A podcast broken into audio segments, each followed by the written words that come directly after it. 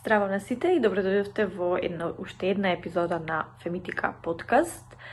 Во денешната епизода ќе зборуваме за тоа како да се започне собствен бизнис во Македонија и како истиот да се да се одржува.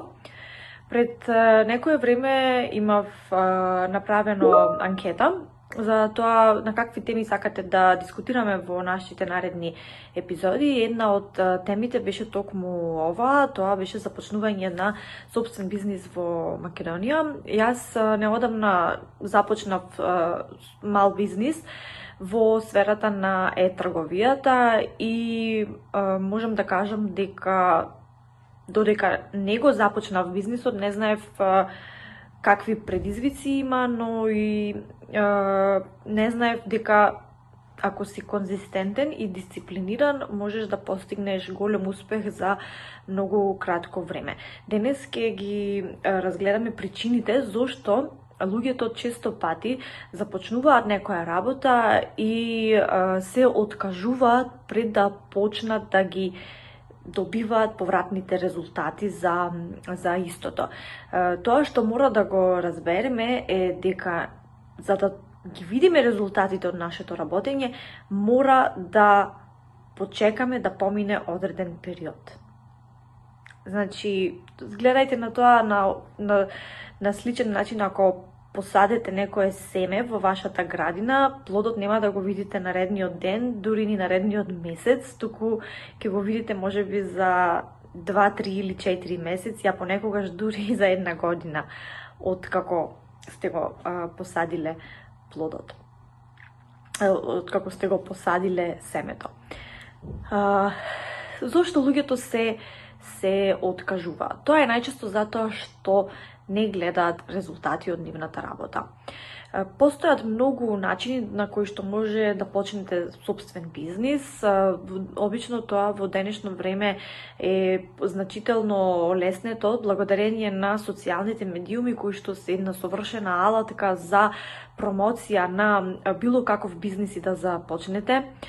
Тоа може и да го видиме и по бројниот, по големиот број на инфлуенсери во различни области кои што ги имаме денес во Македонија. Значи, тие сите се обични луѓе како јас и вие, кои својата страст, своето хоби го успеале да го преточат и од истото да направат едни успешни бизниси.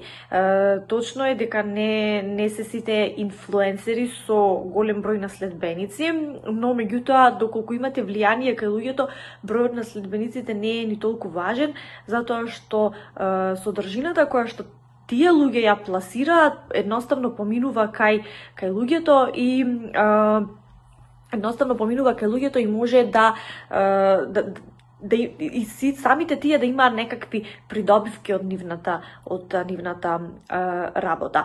Но меѓутоа луѓето често пати забораваат дека голем дел од инфлуенсерите не стигнале така лесно на е, позицијата која што сега ја уживаат, да кажеме, дека се сега успешни.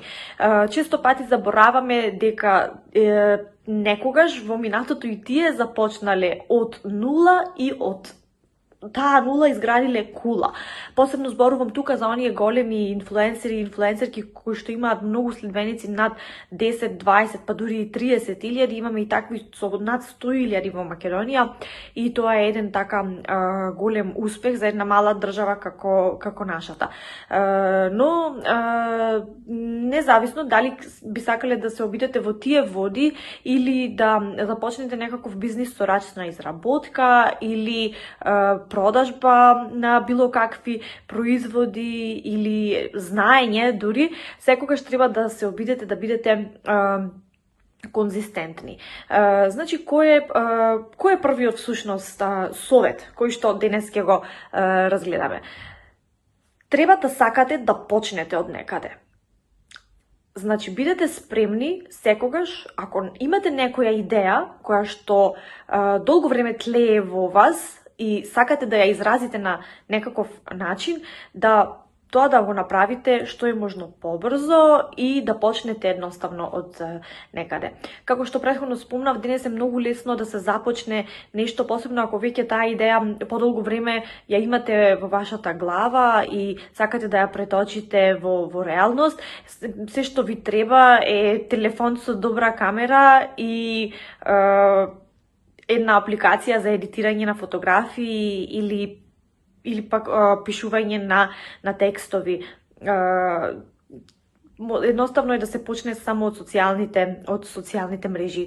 Ние токму тоа го направивме со нашиот мал бизнис, започнавме на социјалните мрежи и полека полека а, си а, бизнисот почна да зема поголем поголем замав. А, добро тука може би не сум целосно а, искрена во затоа што ние имаме од самиот почеток решивме да да имаме и вебсайт, но а, вообичаено тоа нели кошта многу пари, ако нема кој да ви го сработи, а затоа што јас работам во таа професија, вебсајтот си го направив сама и немав проблем да го да го лансирам и и, и на тој начин да ни функционира бизнисот. Но меѓутоа не мора веднаш да почнете со отворање на на вебсайт, доволно ви се социјалните мрежи Инстаграм и Фейсбук каде што многу лесно може да ги пласирате вашите производи или или услуги.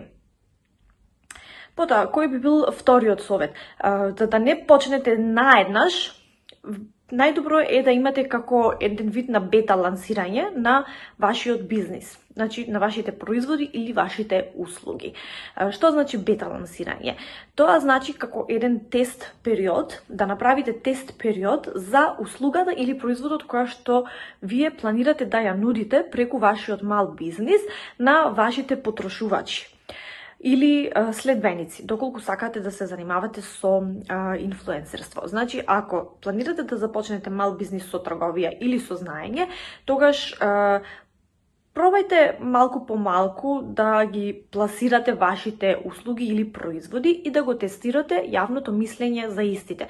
Доколку се работи за производи кои што треба да ги увезувате надвор од државата, тогаш најдобро е да лансирате еден производ во помала количина и да видите како публиката, односно потрошувачите во нашата држава реагираат на истиот. Дали има интерес и дали се ви се исплати да понатаму да вложувате во таквиот вид на производи. Тоа е токму тоа што ние го направивме во нашиот мал бизнис. Зборувам во множина затоа што бизнисот го водам заедно со мојот сопруг.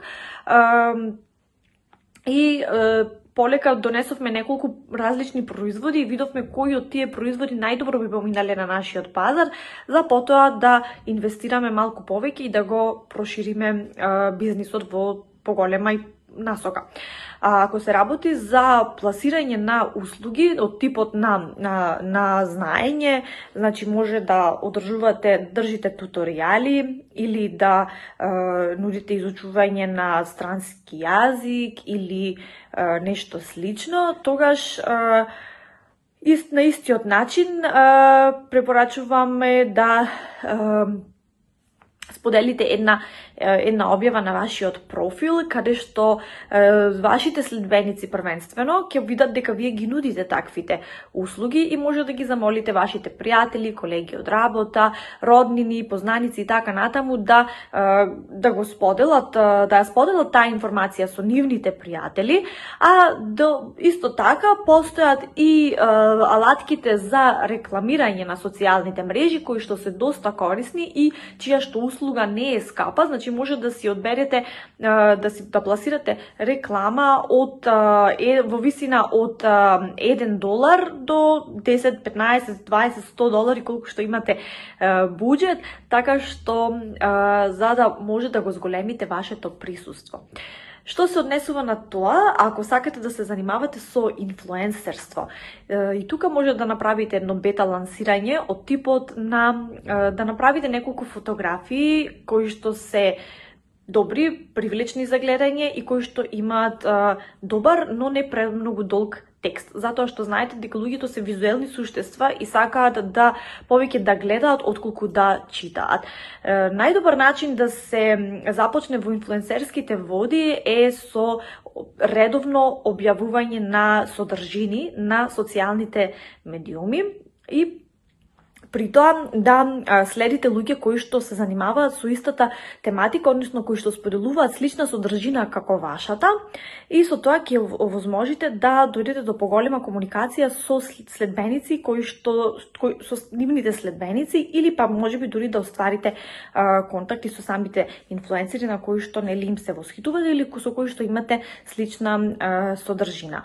Во последните неколку години инфлуенсерството доста се разви во Македонија Еден помалку познат факт за мене е дека јас пред 10 години имав блог и тоа за, за мода. Тогаш беше тоа толку многу популарно, но меѓутоа сцената во Македонија воопшто не беше таква, а можам да кажам дека не беше ни менталитетот уште толку развиен кај луѓето, затоа така лесно да го да го прифатат. Бевме неколку девојчиња, сите ги паметам, со кои што така се движевме во, во тие води и можам да кажам дека во периодот од 2012 до 2016 година немаше е, некоја немаше атмосфера во нашата држава за прифаќање на блогерите во тој е, момент. Е, односно не им се даваше шанса да е, успеат, а не дека немаше квалитетни блогери. За самата себе си јас можам да кажам дека не бев е, понекогаш ни доволно сериозна, ниту пак посветена, да, е, и тоа тоа е една од работите кои што ги научив уште уште тогаш за конзистентноста, затоа што не бев конзистентна и не објавував доволно често, но можам тука да кажам дека и многу често ме разочарува коментарите од типот дека во Македонија не може да се успее со таква работа и поддршката која што недостигаше за блогерите од тој момент. Голем дел, би рекла, не голем дел, туку, ете, еден дел од тие блогери од тоа време во 2017 и од 2018 веќе преминаа во инфлуенсерски води и некако е, размислувањето и свеста кај луѓето во Македонија се разви и премина на друго ниво, каде што луѓето кои што се занимаваат со креирање содржина на социјалните медиуми станаа поприфатливи за е, општата општата јавност.